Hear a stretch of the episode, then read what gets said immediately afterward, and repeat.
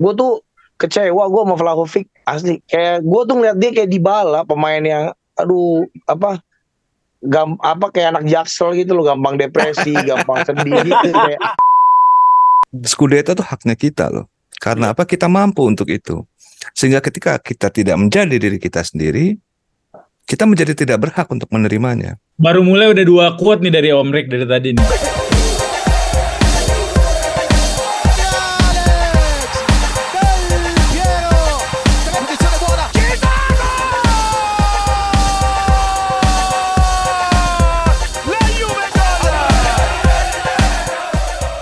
Ya, balik lagi di Sinyora Podcast season 4 setelah berapa bulan ya kita break karena Juve nggak ada main.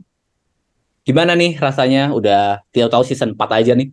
Terutama buat Om Rick yang ikut dari season 1. Gimana Om Rick? Tahu-tahu udah season 4. Ya, alhamdulillah lah. Maksudnya ya kita udah ngikutin dari sejak dia kapan ya? Aku Dari mulai Pirlo, Om. sejak- podcast ini nih. Iya, podcast ini Iya. mulai gara-gara Pirlo. Pirlo ya, kalau nggak salah Iya, ya. Iya, Pirlo. Iya iya iya iya. Em, bukannya Oh iya Pirlo bener ya. Pirlo, Om. Iya, iya, Pirlo. pendengar Pirlo, setia, Om. Musimnya Pirlo. Saya tahu persis. iya gue juga dengerin tuh Pirlo Pirlo lo yang bikin episode keberapa pertama apa awal-awal tuh lo cerita tentang Pirlo lah pokoknya ya kan Tesisnya Tesisnya dia Pirlo ya. Pirlo? Hmm. samponya Benar, apa Pirlo kecilnya gimana gitu ya kan beli bubur bayi di depan Indomart gitu gitulah cerita lo bagus itu yang ditaruh di tempat es krim. Iya iya iya. Iya sampai sekarang sih ya menggambarkan hidup apa adanya ya. Karena Hmm. segala sesuatu itu kan ada naik dan turun. Jadi intinya sih kita sekarang tinggal nunggu naiknya aja sih. Karena Amin. kema- amin. kemarin itu kan kita sempat turun. Untuk ke depannya sih aku pribadi cukup yakin ya. Dan ini akan kita bahas pada eh, apa namanya ke depannya berkaitan dengan taktik, strategi dan mercato. Hmm. Karena aku Oke. melihatnya ini kita sudah on track sebetulnya. Jadi mudah-mudahan aja season ini kita kembali lagi cycle-nya ke cycle yang biasa kita tahu begitu. Amin. Oke, semoga memutus ini ya kutukan Sinyora Podcast ya. Soalnya kayaknya semenjak ada podcast kita nih Juve trennya menurun gitu. Iya enggak? Jar. Ya Iya memang lagi, Iya lagi anjing emang eh, Iya iya kan sih. sejak ada podcast gitu menurun. Iya lagi. sih. anjing semenjak belum belum pernah ngebahas juara ya Iya, Tapi tapi trennya menurun kalau gitu. sejauh sejauh ini sih masih on plan ya. Sejauh ini ya strateginya Juve termasuk eh, strategi mercatonya Juve gitu sebenarnya. Jadi gue sih punya banyak pesimis sih, eh, optimis sih sebenarnya termasuk optimis optimis gue optimis.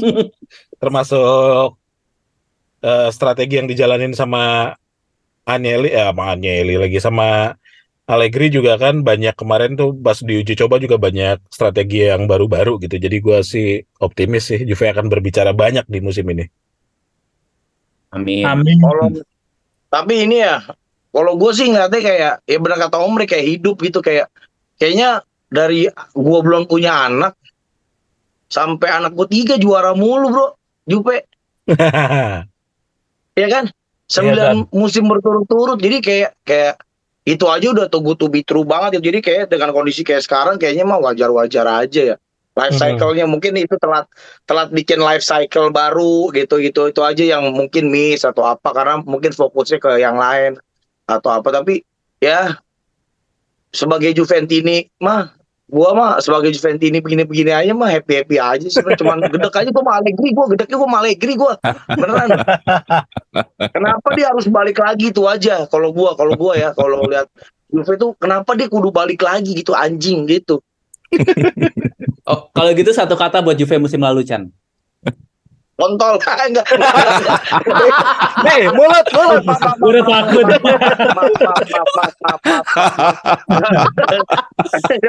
maaf maaf maaf maaf maaf maaf maaf pendengar Juventus maaf maaf maaf kebiasaan Nggak itu itu kaget itu dikelitikin Naboy. Ya gue ditanya sama anak gue apa itu apa? Kontol? Gitu tadi gue nanya j- jawab.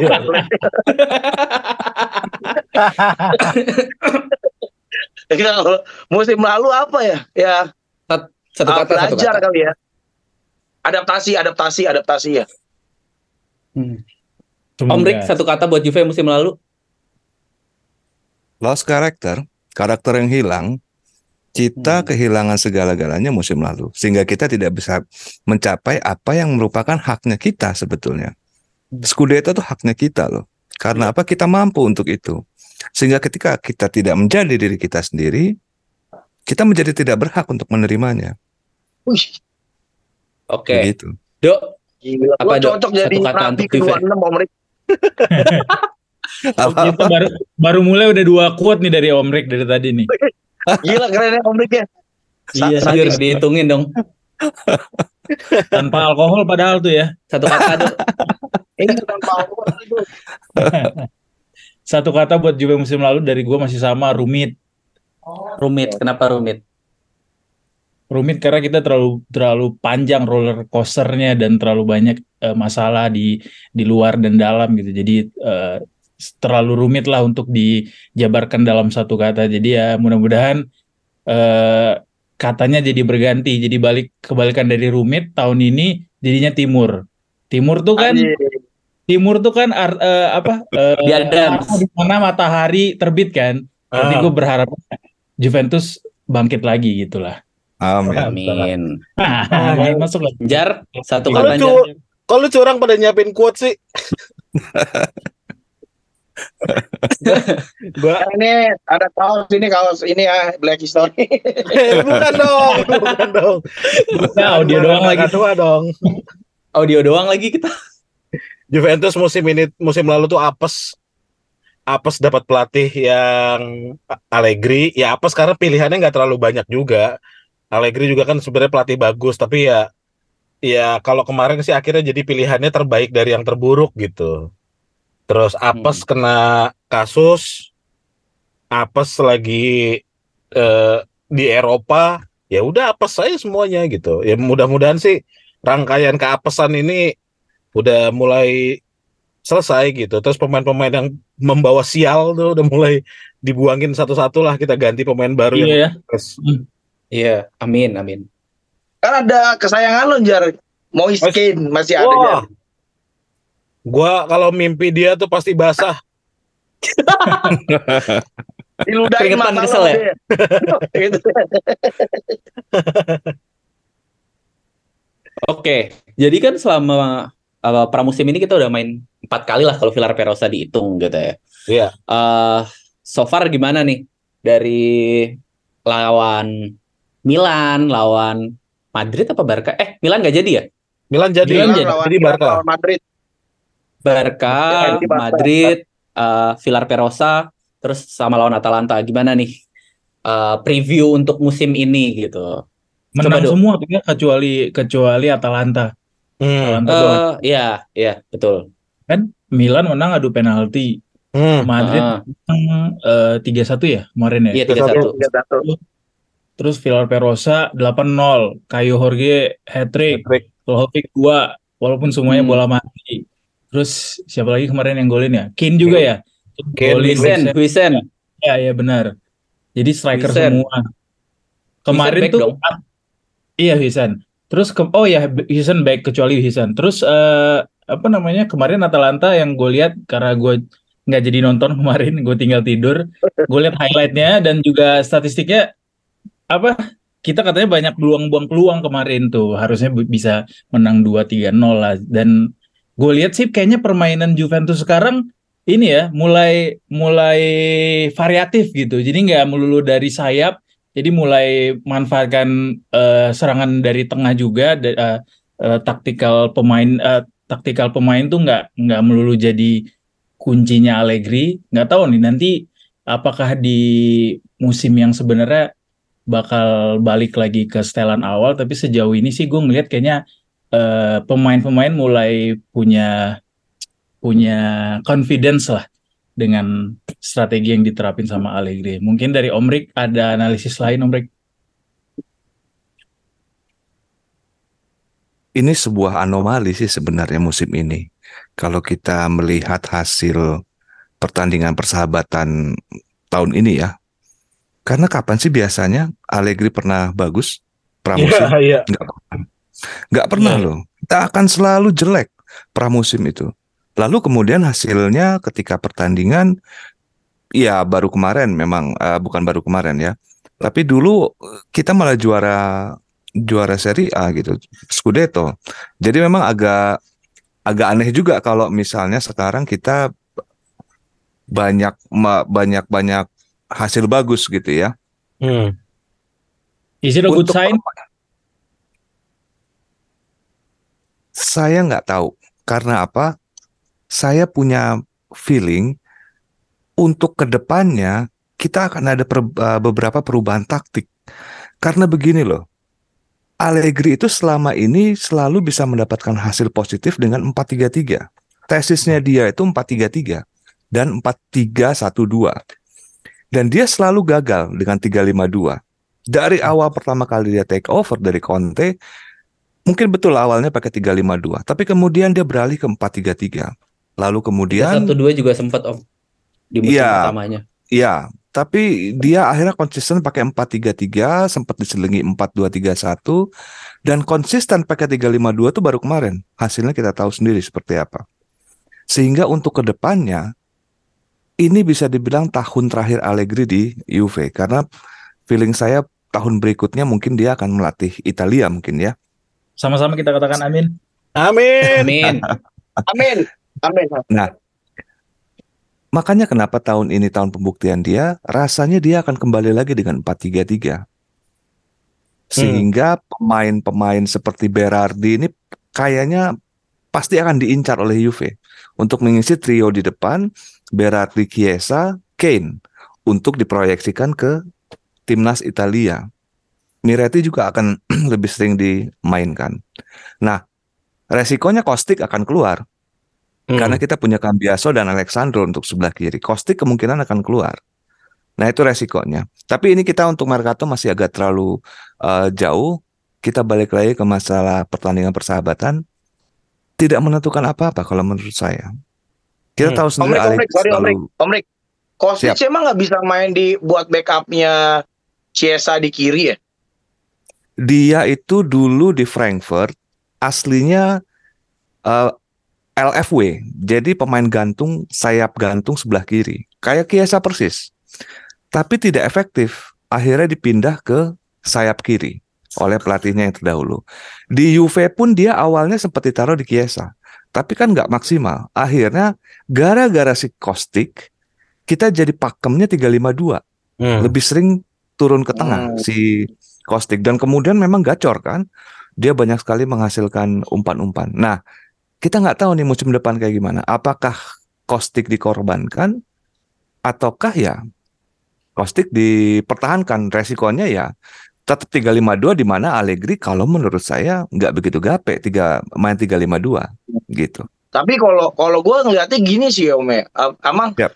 gue agak bingung juga ya sama strategi Marcato ya. Karena ya kan balik lagi ya Juve itu kan kompleks masalahnya nggak melulu tentang pemain, nggak melulu tentang apa ya ada ada gaji, ada uang atau ada eh nggak tahu lah ya apa ya. Tapi as a fan gue dari kacamata fans aja gitu gue ngeliat Kostic itu salah satu pemain yang menurut gue eh gue agak nggak rela ya kalau sampai dia dia apa dia dia hilang gitu dia lepas ya karena bagi gue dia itu gue tuh nonton Juve ngelihat Grinta itu di dia di- ting- tinggal dia doang gitu yang yang yang yang kayak di Livio gitu pemain-pemain model-model gitu loh yang eh, semangat itu mainnya itu passionate gitu mukanya happy serius ya nah itu yang yang gue tuh kemarin tuh musim lalu tuh ngelihat anjir mukanya pada pada lemes bener gitu mukanya tuh pada main Hmm. bola tuh pada tertekan gitu nah Kostic ini kan kayaknya kalau dia dimainin tuh fokus banget dan terbukti ya musim lalu ya kalau gue lihat banyak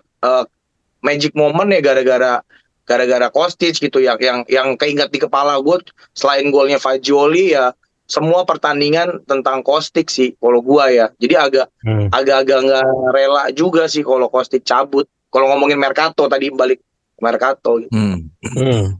Iya. Ya memang sih, memang satu-satunya pemain yang gerintanya masih nyisa memang di Kostic. Cuman masalahnya memang dia ini one dimensional player.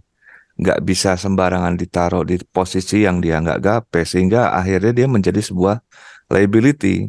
Sebuah masalah baru bagi tim, khususnya Iya, timnya iya. Allegri yang senang dengan 4-3-3 gitu loh. Yang yang senang menyuplai striker utama dengan dua sayap gantungnya. Nah, di sini permasalahannya.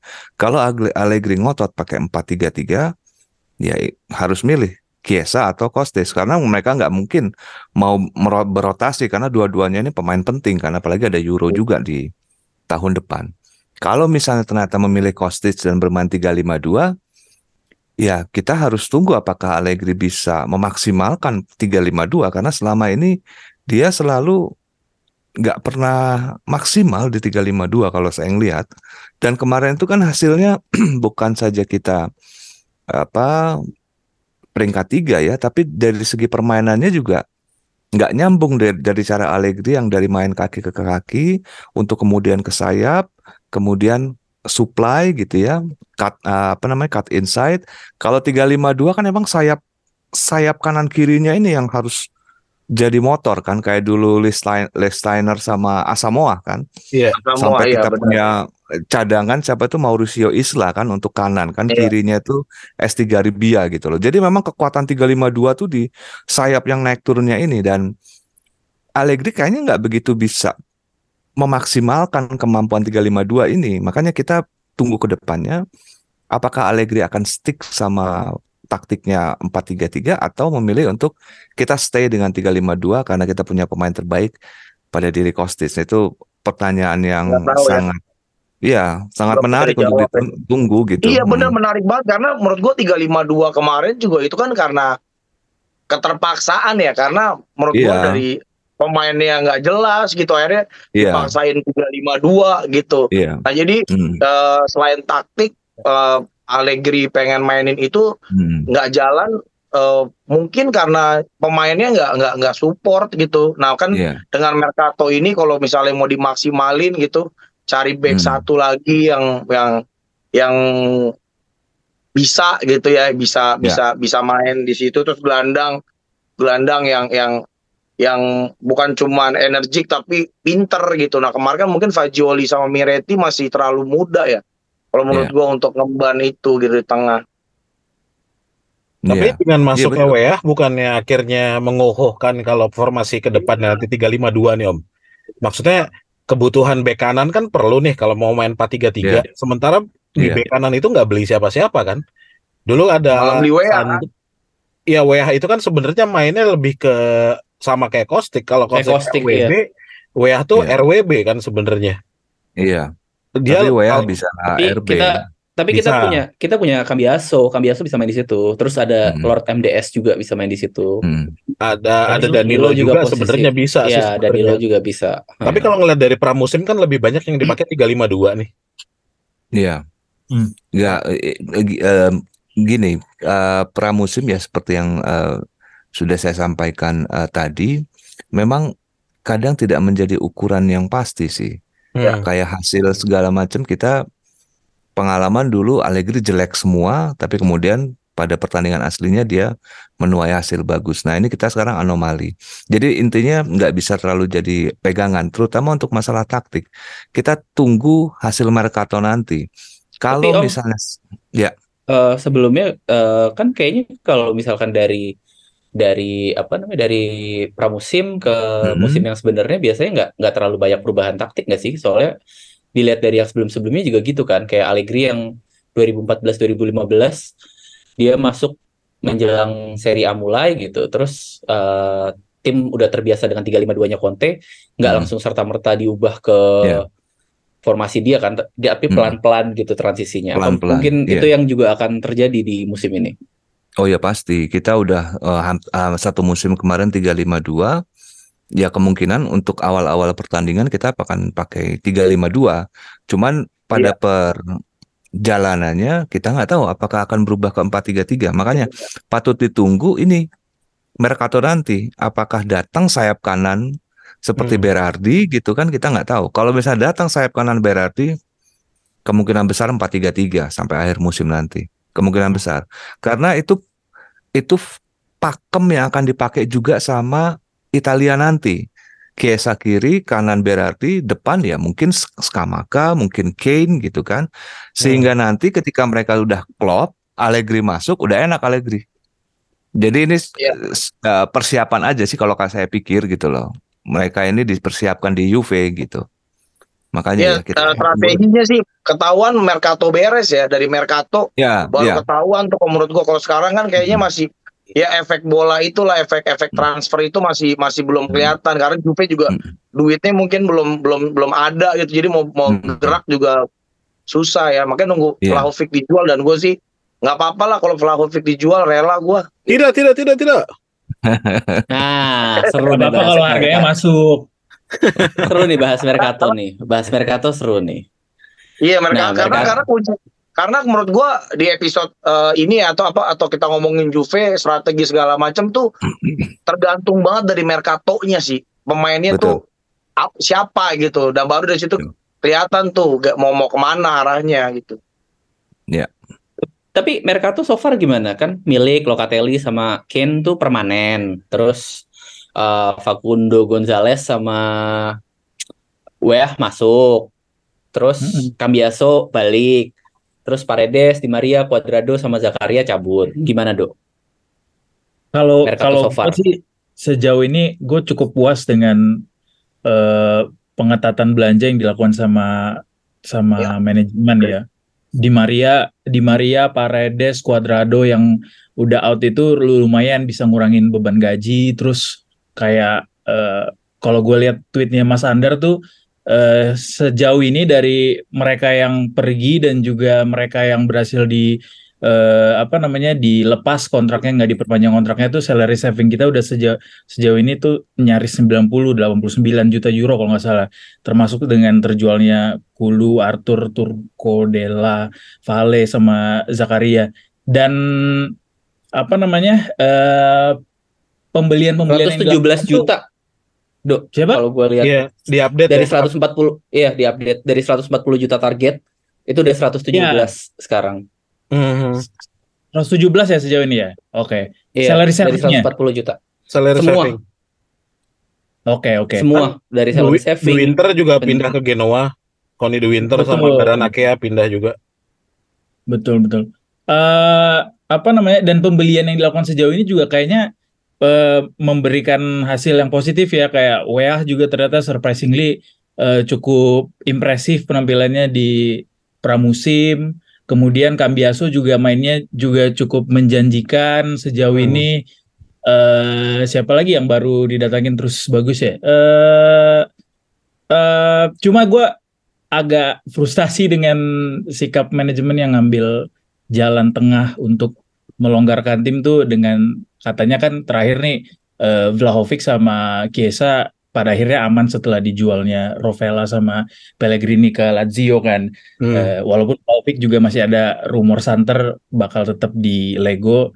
Terus kita Enggak nyari sih kayaknya kalau Vlahovic kalau menurut gua karena kalau dilihat dari tim yang butuh dia tuh udah nggak ada sekarang yang butuh dan mampu beli gitu ya karena Bayern udah dapat Ken terus betul. eh Arsenal si Chelsea Arsenal kan masih udah ada dapet. harusnya. Chelsea tuh nggak punya striker oke loh.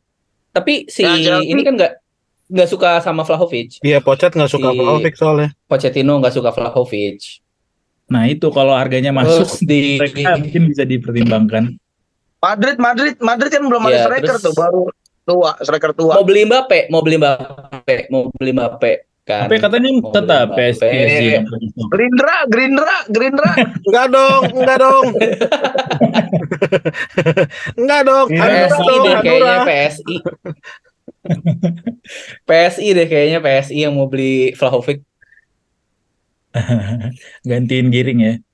Iya, iya. Jadi Iya. kalau dilihat dari pool tim yang mampu beli Vlahovic sekarang ya kayaknya nggak udah nggak ada lagi sih karena Hmm. ya itu dan uh, PSG juga udah datengin striker baru. Terus City masih ada Haaland. Arsenal Hmm. udah beli siapa tuh yang dari Chelsea? Hmm. kayak Havertz. Jadi kayaknya Hmm. Vlahovic aman sih. Vlahovic Chiesa juga udah aman. Eh, Chiesa apalagi kan dia udah menyatakan dia mau stay Gue sih berharap juga emang Vlahovic beneran aman sih. Paling tidak untuk sampai akhir musim ini ya. Kalau musim depan dia mau dijual bebas deh. Kalau memang belum bisa ngasilin minimal 15 gol lah semusim apa 20 gol semusim gitu. Tapi gue agak agak frustasi juga deng- selain dari selain dari Rovella sama Pellegrini akhirnya dijual ke Lazio. eh, kalau misalnya sampai Lukaku jadi aduh Rovella sih Nah, kayak aneh aja misalnya tiba-tiba lo nge-tweet gitu kan. lah Lukaku gitu. Kayak what the fuck man? Kalau dia ngegolin tuh aneh enggak lah aja. Lukaku enggak Di lah. sisi idealisme fans gue nggak tapi tidak Benar, berharap. Lukaku jadi pengganti. Mendingan Alvaro Morata dibawa balik lagi. Ya setuju. mendingan usah pakai striker dah, mendingan, mendingan. Kita 10 orang aja mainnya dah. betul betul. Jar jar. Pilih Moisken Allegri. Pilih Moisken apa Lukaku? Pilih Moisken apa Anjar Lukaku? tuh, jangan tuh anjar. Si anjir. Ngasih pilihan gak ada yang enak. yakin lah pilih dia Moisken apa Lukaku Anjir. ayo apa Moisken kemarin asisnya keren loh. Mendingan Zalayeta. Enggak lah, enggak ayo lah. pilih Enggak, enggak untuk pilih, Jar. kedua-duanya lah. Masanya masanya udah pada masanya udah habis kalau Lukaku soalnya. Terus kalau eh, dan dan ngobrol ngobrol masalah ya udah di band di mana-mana lah gitu. Kurvasut juga udah demo nggak mau ada Lukaku datang. Terus kalau Iya. Moiskin gua sih masih belum ngelihat progres dia walaupun kemarin dia dia dia gerakannya udah lumayan beda daripada yang biasanya sih sebenarnya. Udah enggak enggak lu lu misalkan lu belajar ditodong dan koreografi gitu. yang baru dia ya Iya. misalkan lu Dia kayak misalkan lu ditodong TikTok. pistol gitu atau ditodong pistol atau ditodong peso atau pedang gitu lu Ah. harus milih salah satu Anjir. Gue mau skin aja deh yang udah ada deh. Iya bener, bener. Mending Moisken lah. Mau skin aja yang udah ada lah. Tapi itu Kayo Masih Kayo lebih muda Jorge juga ya? Menarik juga ya. Kayo Jorge tuh bakal di mana ya Pak ditaruh di eh apa ada bisa kemungkinan main pakai false nine atau apa karena Kayo Jorge menurut gua ya dia cuma striker aja gitu dia di kanan kiri kayaknya nggak Iya. bisa deh. dia kayak Di dia depan kayak juga- gitu Betul. iya kayak betul, di bala betul. gitu kan. ya kayak Dybala gitu dia Stylistnya pakai nomor punggungnya Dybala dua ya. satu lagi pakai nomor tapi sejauh ini 21 dia lagi. kabarnya mau dipinjemin ke Frosinone kan tapi nggak masalah sih buat gue dipinjemin karena dia kan habis cedera dua tahun tuh dua musim jadi kayak Biar naikin jam terbang dulu ya. eh, eh, dan kayak dia butuh waktu buat adaptasi lagi nggak sih sama Serie A gitu-gitu Hmm. Eh, eh, yuk, let's talk about Pellegrini dan Rovella. Yuk, seberapa frustasi lo mendengar kabar itu walaupun belum official ya? kalau Pellegrini sih permanen ya? eh, loan loan with obligation to buy Oh, oke. Bukannya udah nggak ada aturan obligation to buy itu udah. Bukannya udah nggak ada yang yang udah yang udah nggak ada co ownership oh, Iya. ownership yang nggak ada ya. kepemilikan bersama yang udah nggak ada. Gue gue kalau Pellegrini sih gue bodoh amat lah ya. Iya, sebenarnya.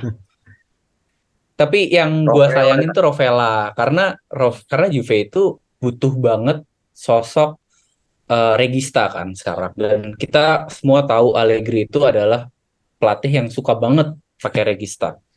Dari zaman dulu Pirlo terus Pjanic terus habis Pjanic cabut mulai ya ya begitu kita nggak punya regista kita mulai menurun lah. Dan sekarang kita punya regista yang menurut gue gape gitu. Dan eh bisa dibilang musim lalu tuh Rovella adalah alasan gue kadang-kadang nonton Monza dan dia memang ya sebagus itu buat gue dan dijual dengan harga segitu tuh kayak aduh sayang banget gak sih coba kasih kesempatan Ya. musim dua musim di Juve gitu pasti dibeli Newcastle mahal Betul. kayak Tonali Selalu murah harganya buat dua orang. iya 20. ya kalau Pellegrini bodo amat lah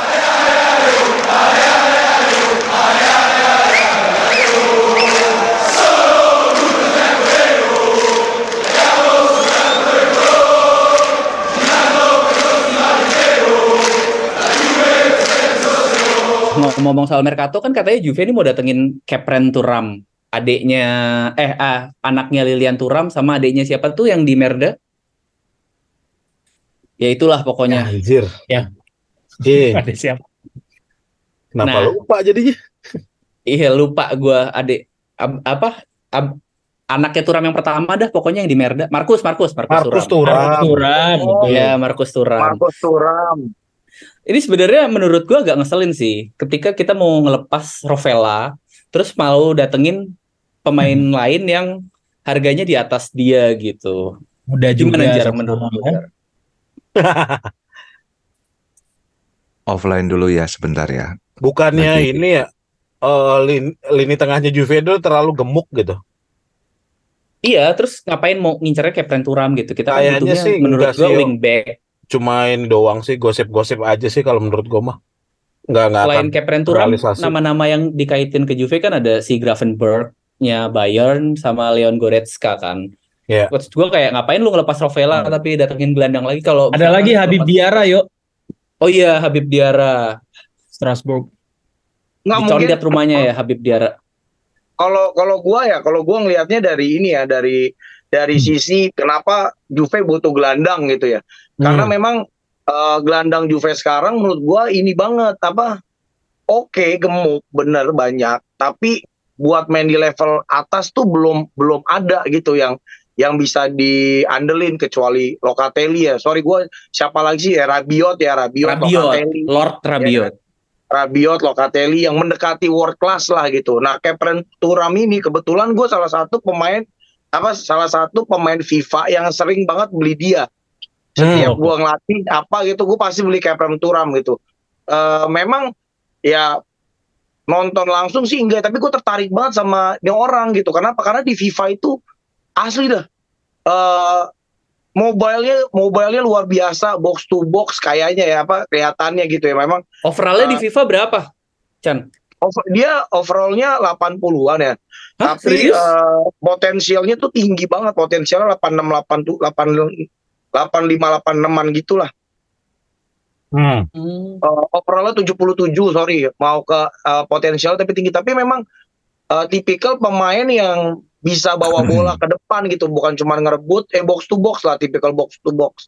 Nah itu kan sebenarnya gelandang itu yang diharapkan dari Miretti mungkin ya, Miretti, eh Fagioli. uh, Fajoli gitu. Nah, tapi mungkin mereka ini belum siap untuk main di di level level yang tinggi gitu. Uh, ya Hmm. karena uh, pers- per- persoalan umur segala macam gitu kan, intrik di dalam.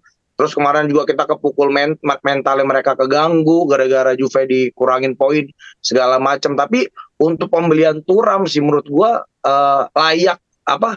Gue bukan yang against gitu, gue nggak against kenapa? Karena dia terbukti bisa di Rene ya, dia kalau nggak salah di Rene sih ya ma- mainnya ya. Hmm. Eh, itu Di Liga termasuk Prancis pokoknya. apa apa iye gitu gue lupa ya tapi mereka terbukti dia konsisten selama dua tahun main di liga top gitu main di tim utama nah mungkin considerationnya itu tuh pemain pemain pemain yang muda yang mobile gitu dan udah main di level tinggi udah bisa konsisten nah itu yang belum didapetin dari gelandang-gelandang Juve yang gemuk ini gitu yang tadinya diharapin dari Zakaria tapi ternyata kita nggak butuh dia gitu apa strateginya nggak nggak nggak mensupport dia padahal menurut gua dia pemain yang wah gua gua rindukan gitu gelandang big man gitu itu yang yang yang nggak ada sih mungkin Turam alasan man. bicara itu itu itu di opini gua ya tapi nggak Hmm. tahu deh Big Man kayak Gitu. Shaquille O'Neal gitu.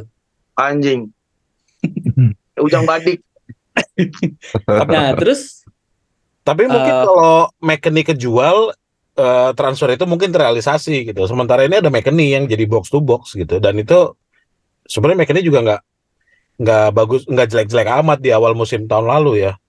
tapi nggak Tapi- bagus ya tapi yang yang Mukanya menarik apa dari mainnya Chan? anjing bayinya Tapi- bayinya jelek banget waktu bayi nggak bagus waktu bayi Tapi tapi ya kalau dilihat dari nama-nama yang dikaitin ke Juve kayak Gravenberg, Goretzka, eh, jujur gue kayak Pren Turam sama Habib siapa tuh tadi namanya? Habib Jafar bukan Om. Husen, Habib Husen. Iya itu kan gue nggak ya gue nggak nggak Iya, familiar lah. Cuman kalau dari Gravenberg sama siapa namanya tadi Eh, Goretzka. Goretzka kan eh, itu kayaknya dengan materi pemain yang ada sekarang kayaknya mau shift ke 4-2-3-1 ya. Iya nggak sih Om? Karena materi pemain karena dua pemain itu kan materi eh, tipikal yang cocok di formasi itu gitu dan menurut Om Rick sendiri tadi bilang katanya kalau Allegri ini salah satu formasi terkuatnya adalah 4-2-3-1.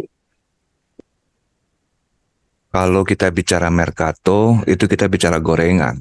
Jadi kayak Iya, Kepren betul, Turam, Goretzka, atau siapa pun itu. Ini cuman gorengan dari agennya itu sendiri Iya. untuk menaikkan harga-harganya mereka. Coba kita lihat Kepren Turam. Dia diincar siapa coba? Mungkin Juve hanya berusaha atau mungkin dijadikan alat oleh agen untuk menaikkan Gaji. bargaining positionnya si Kepren Turam. Hmm. Kalau dinilai dari kebutuhan kita sendiri, rasanya sulit untuk mendatangkan pemain-pemain seperti itu yang lagi naik daun.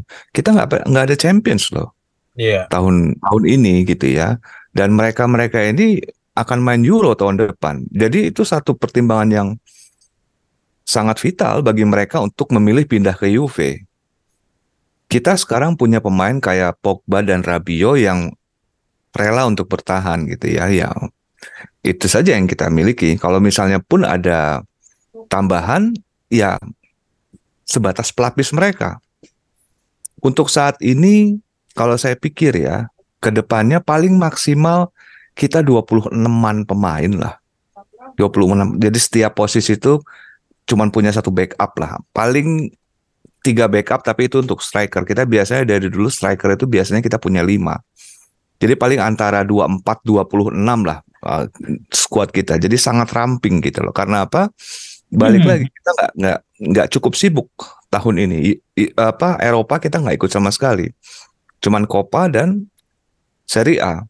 Jadi untuk berbicara tentang pemain-pemain bintang seperti itu, saya rasa ya kita tinggal tunggu apa siapa dulu yang dilepas sama kita. Misalnya kita lepas Rabiot, baru bisa kita bicara pemain top yang Ya. akan datang. Itu pun saya rasa sih nggak nggak nggak nggak mungkin muda juga umurnya karena biasanya yang muda-muda itu ngincernya tim yang main di UCL gitu. Oke. U- Untuk Nah. 4-2-3-1 rasanya kita masih terlalu jauh untuk untuk berbicara taktik yang sudah sedemikian lama dipakai Allegri walaupun sukses ya. Kalau saya lebih berpikir kita akan akan akan lebih konsentrasi ke 4-3-3 karena itu yang nanti akan digunakan oleh Italia sehingga ketika Allegri mena- menangani Italia dia sudah sudah jadi itu timnya gitu. Dilatihnya di Juve begitu. Oke, eh, ngomong-ngomong soal pemain muda, Anjar nih kan salah satu penggiat pemain muda nih. Nah, ini tapi pemain-pemain mudanya Juve nih banyak yang mau dipinjemin nih kayak Miretti, Facundo Gonzalez, Beranakea, siapa? Hans Hans Colucci Caviglia, terus Niklas Sole. Menurut lu gimana, Anjar? Apakah minjemin pemain ini adalah keputusan tepat atau ya sebenarnya ya udah sih biarin aja mereka belajar sama pemain-pemain bintang di Juve dan jadi pelapis gitu. Ini terkait sama kebijakannya Mana sama Giuntoli sih yo sebenarnya. Mereka tuh punya misi buat ngurangin eh, pengeluarannya Juve dulu sih sebenarnya gitu. Jadi ya mereka wajar lah akhirnya dipinjemin dulu untuk semusim mungkin. Tapi eh kalau ngelihat mereka yang kemarin main apalagi pas Juve be- beberapa kali pramusim kan skuad kedu- eh, skuad babak keduanya itu pasti next gen gitu. Gue sih ngeliat mereka tuh lebih Spartan mainnya daripada yang senior senior. Sebenarnya sih gue suka ya. Apalagi mumpung Juve tidak main di Eropa, jadi ad- pasti mereka punya banyak kesempatan buat main di Juve atau minimal di Copa lah dimainin sebenarnya. Tapi kalau ya keputusan dari manajemen untuk mengurangi uang keluar sementara ya nggak apa-apa sih sebenarnya. Kita nggak bisa kita nggak bisa gimana gimana lagi kalau itu udah keputusan dari manajemen gitu. Tapi menurut lu tepat gak sih mereka dipinjemin atau mereka harusnya stay aja gitu? Kalau bicara soal growth-nya mereka ya, personal growth-nya sebagai pemain gitu. Ki- Kita pernah bahas di beberapa episode yang lalu gitu. Sebenarnya mereka kalau dipinjemin sih kita nggak akan masalah ke- kecuali kalau dipinjeminnya ke tim yang sesuai sama DNA-nya Juve atau minimal cara mainnya si eh, pemain ini tuh mendekati sama tim yang dipinjemin nanti gitu. Misalnya me- kayak kayak Rovella main di Monza akhirnya kan kepake gitu. Beda kayak beberapa Oh. pemain yang di dipanggil kayak uh, waktu itu sorry waktu Ihataren. itu dipinjemin kayak Frabota gitu itu kan balik lagi ke Juve gitu tapi nggak jadi apa-apa juga nah yang disayangin sih gitu kecuali kalau dipinjemin ke tim yang memang misalnya mainnya lebih menyerang karena nanti tahun depan Juve makan mainnya akan lebih nyerang lagi gitu gue sih gue sih setuju-setuju aja gitu tapi ya mau gimana kalau Giontoli sama Mana udah bilang kalau kita mau pengetatan pengeluaran ya Tapi kalau menurut lu kita butuh posisi apa aja sih, Jar? Sekarang ini? kalau posisi sebenarnya striker tuh masih butuh satu lagi ya kalau nanti kayak Jorge di Kan udah ada pinjemin. tiga, Jar. Udah ada tiga, Jar. Nah itu sa- Milik kayak Om Rick tadi bilang kita Vlahovic. tuh biasanya Juve tuh punya 4 sampai 5 striker gitu. Yang nantinya bisa dimainin di entah di kanan atau di kiri ataupun main agak turun ke bawah. Striker tuh ada striker tuh yang kita punya hampir-hampir sama tipenya gitu, nggak nggak ada tipe yang lain sih sebenarnya. Sama kita nggak punya kita nggak punya spesialisasi di fu- eh, full back kanan. Kalau yang ya kata lu tadi bilang MDS bisa ditaruh di situ, Danilo memang bisa ditaruh di situ, tapi nggak ada yang eh, dibeli Aslinya di situ ya. khusus untuk di situ gitu sebenarnya. Hmm. Tergantung tergantung polanya Juve sih sebenarnya. Tapi kalau gua ngeliat pola yang sekarang ya 352 pemainnya udah ada semua sih. Ya kecuali Kiesa aja yang akhirnya dikorbanin buat di de- tandem di depan sama Vlahovic. Hmm. Udah cukup sih harusnya. Nah, kalau gitu menurut lu bisa nggak eh Dok Chiesa bisa jadi second striker atau malah mungkin oh ini kayaknya malah bisa jadi lebih maksimal nih Chiesa di posisi ini gitu. Dia udah beberapa kali dipasang jadi posisi second striker kan ya Chiesa tuh. Iya. Dan lumayan sih dia ngebantu kayak kemarin sama Vlahovic juga gue lihat highlightnya dia lumayan banyak kasih peluang buat Vlahovic. Maksud gue eh, kombinasi keduanya di depan tuh cukup cukup efektif gitu dipasang sama Allegri. Tapi eh gue sepakat dengan striker yang ditambah satu lagi tuh mestinya bisa sih eh, terlepas dari bagaimanapun nanti nasibnya si Kayo Jorge pada akhirnya gue berharap ada satu lagi dan gue harap itu posisinya diisi sama orang lama which is Morata. iya Fans berat Morata ya.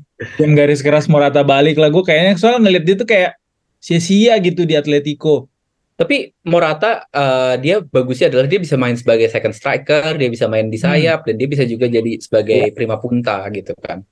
Hmm. betul udah gitu pasti jualan kaosnya lebih oke daripada Nah, jualan itu ya, kaosnya ya. Akin kan Benar. Nah itu yang nggak nggak kita nggak nggak kita lihat dari Kayo Jorge kan. Jadi kayak Hmm. pemain gini tuh Kayo Jorge, Dybala mungkin cocoknya di ya itu formasi dua striker atau apa. Nah, Eh, itu yang menurut gua Kayo Jorge kayaknya bingung nih mau diapain nih orang nih gitu. Tapi Dijadiin tajam ondel-ondel. juga. Ternyata ya anjing. Dijadiin ini aja bahan baku pempek kali ya. Ikan belida dong. Iya. nyanyi dong nyanyi dong. Tapi sebenarnya kayak Jorge itu pas dibeli di awal itu. Tujuannya mau dimiripin kayak Morata atau Firmino sih sebenarnya striker yang eh, oportunis tapi dia bisa passing ke striker tombak gitu sebenarnya. Jadi dia bisa main Hmm. di bawah striker. Sebenarnya gitu kalau kalau ngelihat cara mainnya Kayo Jorge di klub lama dan sayangnya dia udah cedera ya udah potensinya nggak keluar aja jadinya. Oke. Hmm. Em, kalau menurut kalau menurut Lunjar target realistis Juve musim depan tuh pos apa sih? Dengan adanya kita cuma main di Serie A sama Copa doang. Beto lah gila Iyalah, bener, bener loh, Scudetto lah. ada kata lain Kan nggak ada beban kan buat main di Nah, apa namanya di Eropa, Scudetto lah. Lepas aja Copa nggak apa-apa, Scudetto lah. Yang jangan sebaliknya Scudetto ya Iya. lu berarti sama ya, Dok ya? Sama-sama, Scudetto harga mati menurut gua. Terle- apalagi sekarang perjudiannya eh, Juventus tuh harusnya bisa lebih berani kan dengan dia main di Eropa. Mestinya Scudetto Hmm. bisa lah. Om Rick? Ini bukan pertanyaan kewajiban atau bukan kewajiban, ini haknya kita. Scudetto. Kita udah mempertahankan pemain-pemain paling berkualitas di Serie A. Jadi ini berhak kita untuk Scudetto, bukan kewajiban lagi. Sehingga ketika Allegri tidak bisa men- mencapai target tersebut, Out. wah nggak ada nggak ada pilihan lagi. Pasti harus langsung keluar itu. Tonjok lakinya. kuat kok. Om kalau. Om kalau kalau hak kan tuh bisa dipakai bisa enggak. Tapi when it comes to obligation misalnya kayak kewajiban, ini Om lebih consider kewajiban atau hak Om? Ini hak, ini hak. Ini hak ya. Dan iya, makanya kita harus menjadi diri kita sendiri du- dulu gitu loh. Agar kita bisa memenuhi apa yang merupakan haknya kita. Kalau Hmm. kewajiban, kadang kita bisa habis bensin di tengah jalan, gitu loh. Hmm. Ngejar terus gitu loh, tanpa sadar siapa diri kita sesungguhnya. Yang Juve kurang itu eh, season lalu itu, mereka tidak paham siapa dirinya. Sehingga mereka tidak merasa berhak untuk mendapatkan itu. Hmm. Coba kamu paham dulu siapa lu, potensi lu, kebisaan lu, punya harga diri dikit lah.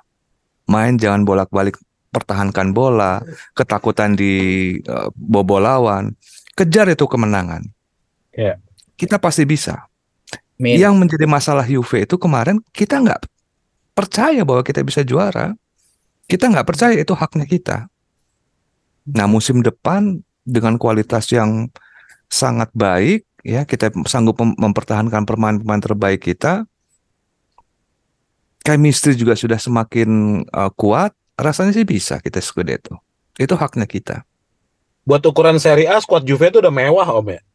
Mewah, mewah, mewah. Bandingin sama yang lain-lain. Silakan. Iya dari musim lalu Kita sebenarnya udah mewah. mewah. Iya. Itu Inter kan kehilangan Onana. Hmm.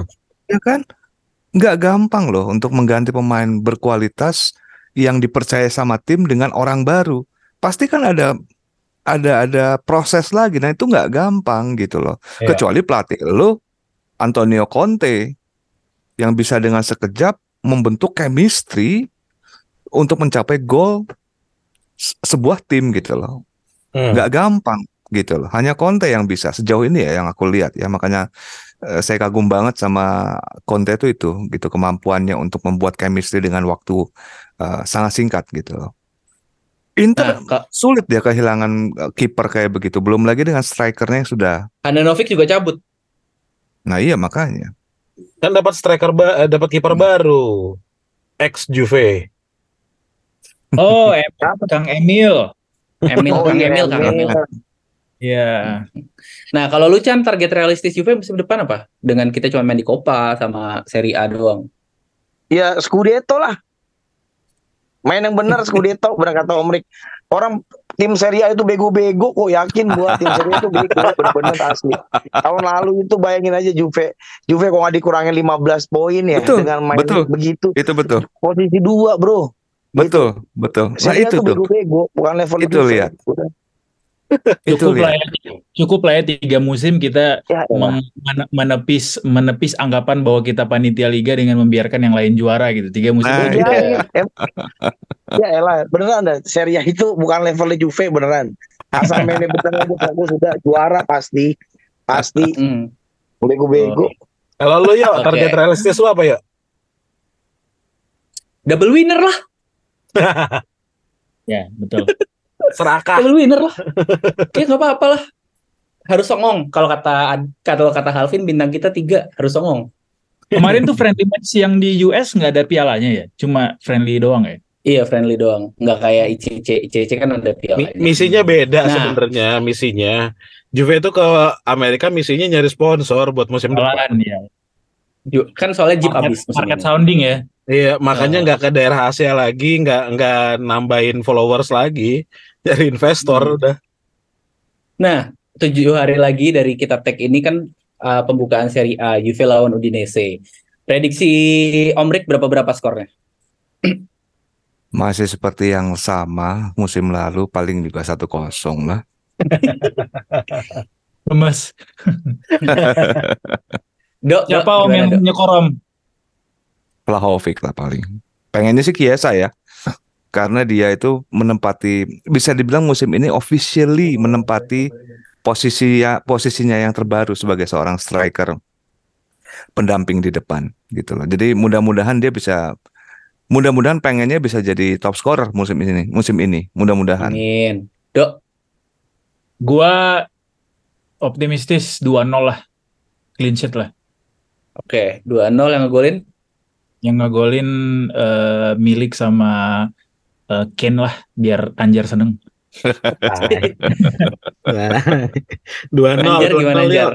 Dua nol Vlahovic milik. Vlahovic Waduh, milik. Mantap. Tapi kayaknya Kiesa asis sih. Oke, Chan, Apaan? Sama Udinese Gua Chan. eh, Juve? Udinese. Juve Udinese. Ah, kayaknya setiap open Serie A lawan Udinese ya. Iya lumayan sering. iya lagi. Iya. Sering Iya. banget lagi. Eh, musim lalu 3-0 ya? Eh Sampdoria musim Iya. lalu ya. Sampdoria tuh yang Pirlo. Sampdoria Pirlo Yang ini yang- 4-1 ya. Ah, ah. yang Quagliarella apa apa eh, Juve Udinese ya. Eh 2-0 cukup lah 2-0 ya Mantap. sama Kanjar. Yang golin, yang Yang golin. Anjing pemainnya belum ketahuan. Mudah-mudahan sih Ciesa ya biar dia pede ya. Tuh mudah-mudahan Ciesa inti Dua-duanya dia Chiesa. dapat pede. Iya, dia bisa dua gol lah kalau dia dia ya biar dia pede lah kalau gua. Musim ini pokoknya ayo Ciesa gitu kalau gua. hmm, Lu yuk berapa yuk? 3-1 Nah, Yang ngegolin Perin ya. yang enggak Anjing. lah. Vla, Vlahovic Vlahovic 2. Satunya lagi Nice. Turam. Eh, WA. Aduh. Kok Turam sih? Turam belum Lu datang. kok pada ini banget Wea, sama satu lagi Vlahovic Wea. ya. Gua tuh kecewa gua sama Vlahovic asli kayak patah Udah hati hopeless. kayak Iya Vlahovic. kayak kayak kayak gue tuh ngeliat dia kayak Dybala pemain yang aduh apa gam apa kayak anak jaksel gitu loh gampang depresi gampang sedih gitu kayak kayak kayaknya sulit untuk kita untuk kita membebankan Nih, ke dia gitu Anak jakselnya yang nongkrong di Senop apa yang di M Block?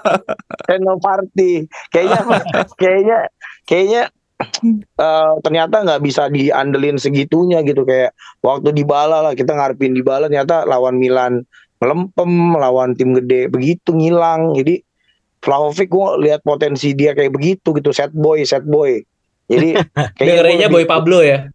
iya benar dengerinnya aja boy Pablo Bisa nih jadiin judul nih. Vlahovic, Vlahovic anak Jaksel gitu dong.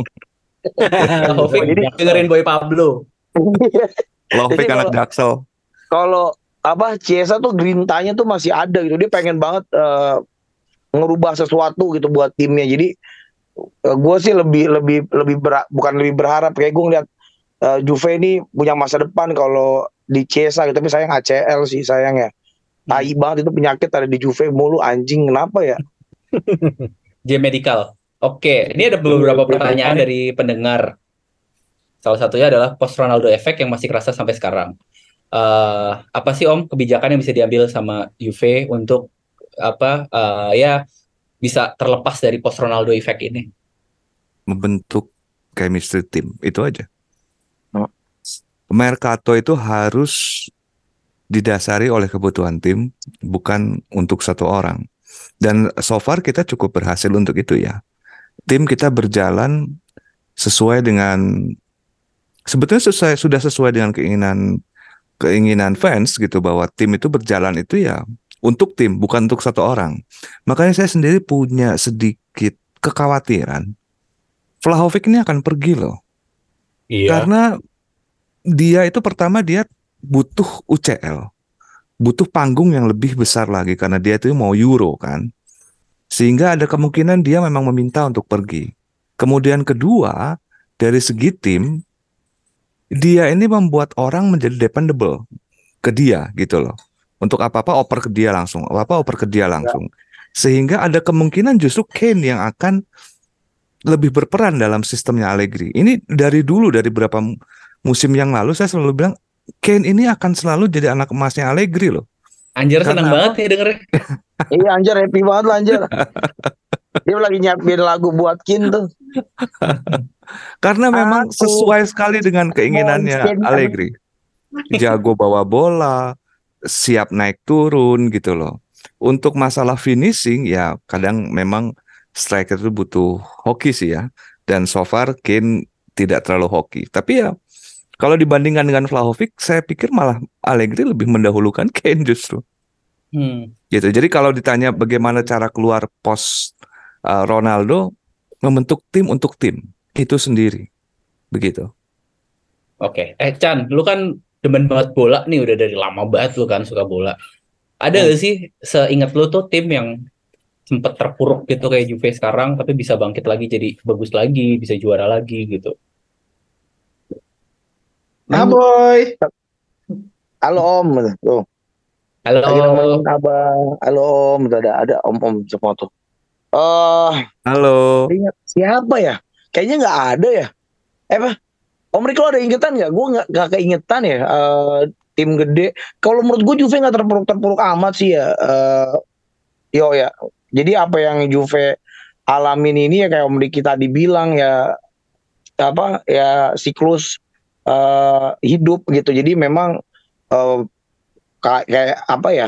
Kalau ngelihat yang dibilang Juve terpuruk banget sih ya, ya enggak ya. Eh, menurut gue jadi ya Juve ya ya Juve gitu. Dia te- tetap tim gede gitu. Tinggal ya tinggal tinggal fokus. Mungkin kemarin eh, siapa? Eh, Agnelli tuh kebanyakan kebanyakan ide lah. Idenya kebanyakan karena udah juara mulu. Ngapain ya kita ya? Gitu. Kita mau ngapain lagi nih ya? Eh, oh brandingnya lah. Mendingan buka fokus. mendingan buka usaha tabu Nah. ya. mendingan mendingan modalin gua buka bal sini. Gue bilang iya sih. Nah, dok, dok, dok, dok. Ini Ya. kan uh, Juve udah lama banget nih nggak ke Asia nih. Eh, terakhir tuh ke Korea ya kalau nggak salah, yang pas masih ada Ronaldo. Terus tadi lu juga sempat bahas-bahas soal tur ke Amerika, terus tur Asia gitu. Ada nggak sih menurut lu Juve mau ke Asia lagi apa emang lagi fokus di Amerika aja sekarang? Iya, gue surprise Dari segi ya. finansial ya. ternyata ternyata tahu musim apa pra musim musim ini tuh Juventus nggak jadi kasih. Ya padahal kemarin waktu Juventus kemarin bawa apa tur trofi ke Indonesia ke Jakarta kemarin gue nanya sama direktur Asia Pasifiknya katanya sih ada rencana ke Jakarta musim ini. Terus nanya lagi eh, masih 50-50 sekitar bulan Mei Juni tuh. Ternyata mereka malah ke Amerika nyari pasarnya. Asia mestinya masih jadi pasar yang sangat menarik buat klub-klub Eropa gitu, termasuk Juventus dan menurut gua musim depan harusnya eh, at least mereka menuju ke ASEAN sih karena ASEAN tuh pasarnya Beberapa lagi musim ini ke ini ya, udah berapa musim ini soalnya ke Amerika mulu ya. Udah betul Amerika atau harusnya Pasifik Iya, gitu. udah berapa musim ini Amerika terus kan harusnya musim depan giliran Asia lah ya. Harusnya ya. At least Singapura Kalau lah. Kalau Juve ke Indonesia kita harus nobar sih. harus lah. harus. Pasti dong, pasti dong. Nah, Ke walaupun nggak ke Indonesia ke Singapura kita pakai caranya Abah Pican live live podcast ya, Iya. Bah ya. kita live podcast dapat duit kita ke Singapura benar Oh, jualan merchandise aja gitu. kita ambil best practice-nya dari podcast minggu lah. nah Jar, Jar, Juve tuh kemarin pas plus Valencia tuh kayak kayak lemes gitu, kurang fight gitu. Ini disengaja apa gimana sih? Apa emang nggak punya power atau emang sengaja pengen ya udahlah kita lepasin eh apa namanya warisannya Andrea Agnelli aja kita memulai Juve lebaran yang baru jadi yang kemarin udah ikhlasin aja gitu. Oh, enggak sih sebenarnya. Juve tuh masih tetap ya dari di tahun ini kan Juve memperingati 100 tahun kepemilikan keluarga Agnelli ya. Em, walaupun masih banyak sengketa warisan dan segala macam makanya kemarin main di J Stadium. Tapi menurut gua mm, eh, emang impact dari ISL aja sih sebenarnya makanya Juve sedang berduka musim ini gitu karena banyak musim lalu sorry karena banyak musuh di mana-mana termasuk dari Severin juga gitu. Tapi ya mudah-mudahan sih Juve udah mulai berdamai dengan Serie A terutama dengan Eropa gitu. Kalau mau Juve jadi naik ke level yang berikutnya sih gitu sih. Tapi enggak sih enggak Oke. karena itu akhirnya Juve kurang fight tuh enggak sih. Oke, pertanyaan terakhir, apakah akan ada kopdar? Ya kita sih mau aja ya, cuman emang waktunya yang susah. Orang kita ketemu member senior aja susah, apalagi Ini kopdar. susah banget ya Bisa, bisa sih bisa bisa bisa. bisa bisa kita bikin live It- podcast juga Bisa Buka bal. bayar satu lima puluh ribu 150 ribu ya dapat lah 20 juta 20 juta ya live podcast Oke. tapi nebeng eh, barang kakak tua jadi sambil buka bal wah seru tuh pas Buka itu. bal. Bisa, bisa. Karena sekarang kan era kolaborasi soalnya kan. Jadi kalau nggak collab tuh agak susah sekarang. lo lo lo lo juga ini kan ya do ya lo punya podcast juga ya do Ada di kantor, podcast kantor tapi bukan pribadi. oh Heeh. Oke, ini Oh. kayaknya buat pembukaan undang season seminggu 4 aja udah biar gak laku jadinya Abah yang bikin sih pasti laku. Abah pembukaan ini aja, 4 bikin pengumuman aja kopdar, pasti pada datang semua deh. Ya bisa lah. Ditunggulah Signora Signora Podcasters. iya niatnya kete- niatnya cuman ketemu Pican sama Om Rick kita mah ngangon aja Betul. Itu tim hore aja. kita tim sibuk, tim sibuk. Ya, kalau ketemu gua pengen bercanda ketemu Om Rick minta bayarin kosan gitu